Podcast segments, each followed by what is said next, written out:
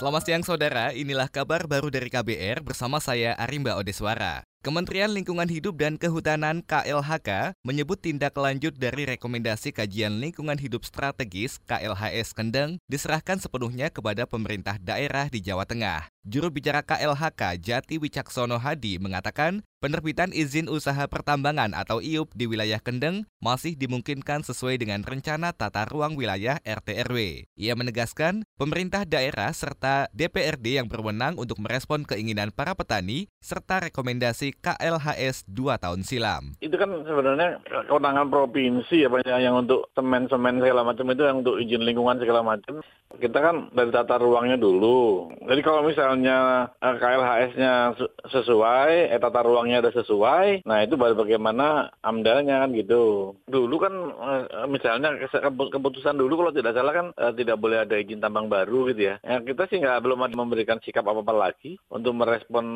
para petani itu yang yang harusnya di teman-teman daerah ini. Juru bicara KLHK Jati Wicaksono Hadi mengatakan, semua kembali kepada aturan tata ruang di daerah yang memperbolehkan adanya IUP setelah keluarnya izin AMDAL. Sebelumnya, sejumlah warga yang mengatasnamakan petani pegunungan Kendeng mendatangi Istana Presiden. Mereka menagih janji Presiden Joko Widodo untuk membebaskan daerahnya dari area pertambangan perusak lingkungan. Kita beralih ke Semarang, saudara. Pemerintah Provinsi Jawa Tengah membantah masih adanya penambangan yang merusak lingkungan di Pegunungan Kendeng Rembang. Gubernur Jawa Tengah Ganjar Pranowo menampik adanya aktivitas perusahaan tambang yang masih beroperasi dan melanggar kajian lingkungan hidup strategis KLHS di Pegunungan Kendeng sebagai kawasan lindung. Sekarang gini aja, ada nggak yang kami sekarang dalam menyusun program pembangunan kami melanggar KLHS? Tapi saya nggak ngerti yang, yang dituntut yang mana. Ya. Ada pencemaran. Sukolilo tidak ada penambangan, belum ada apa-apa. Ayo, selama ini saya belum pernah mendengar pencemaran yang di sana.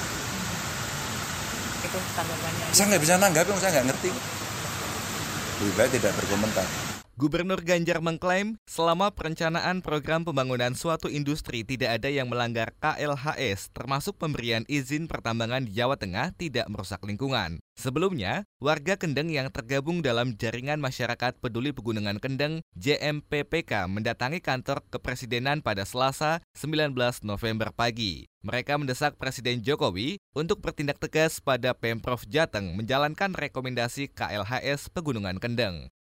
Sementara itu saudara, pencapaian tujuan pembangunan berkelanjutan di dunia SDGs baru 5%. Menurut Ketua Bersama Kelompok Ilmuwan Independen Endah Murnining Tias, SDGs sulit dicapai jika tidak ada inovasi yang dilakukan oleh mereka yang berkepentingan, termasuk pemerintah. Kita melakukan sesuatu untuk mencapai tadi human uh, well-being, tetapi tetap mengamankan uh, lingkungan Nah ini yang yang perlu bertransformasi. Caranya bagaimana?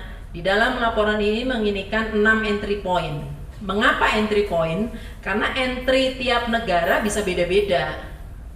Jadi uh, satu negara mungkin energinya sudah bagus, dia food systemnya yang jelek, berarti dia entry pointnya dari food system. Ketua bersama kelompok ilmuwan independen Endah Murnining Tias menyatakan tantangan berat yang masih dihadapi praktisi dalam mencapai tujuan pembangunan berkelanjutan yaitu masalah lingkungan, terutama keanekaragaman hayati. Pencapaian target tujuan pembangunan berkelanjutan itu merupakan hasil penelitian dari 14 peneliti mancanegara yang tergabung dalam kelompok ilmuwan independen.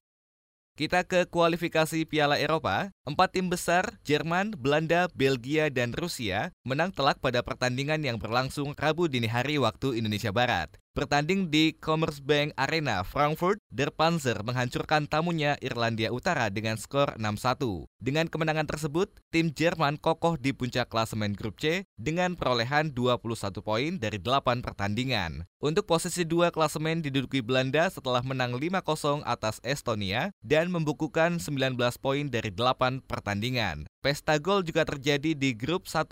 Tuan rumah Belgia menang telak 6-1 atas Siprus. Dengan kemenangan tersebut, Belgia kokoh di puncak klasemen grup 1 dengan 30 poin dari 10 pertandingan. Sedangkan posisi dua klasemen ditempati Rusia dengan 24 poin dari 10 pertandingan setelah sebelumnya menang telak 5-0 atas tuan rumah San Marino. Demikian kabar baru dari KBR, saya Arimba Odeswara.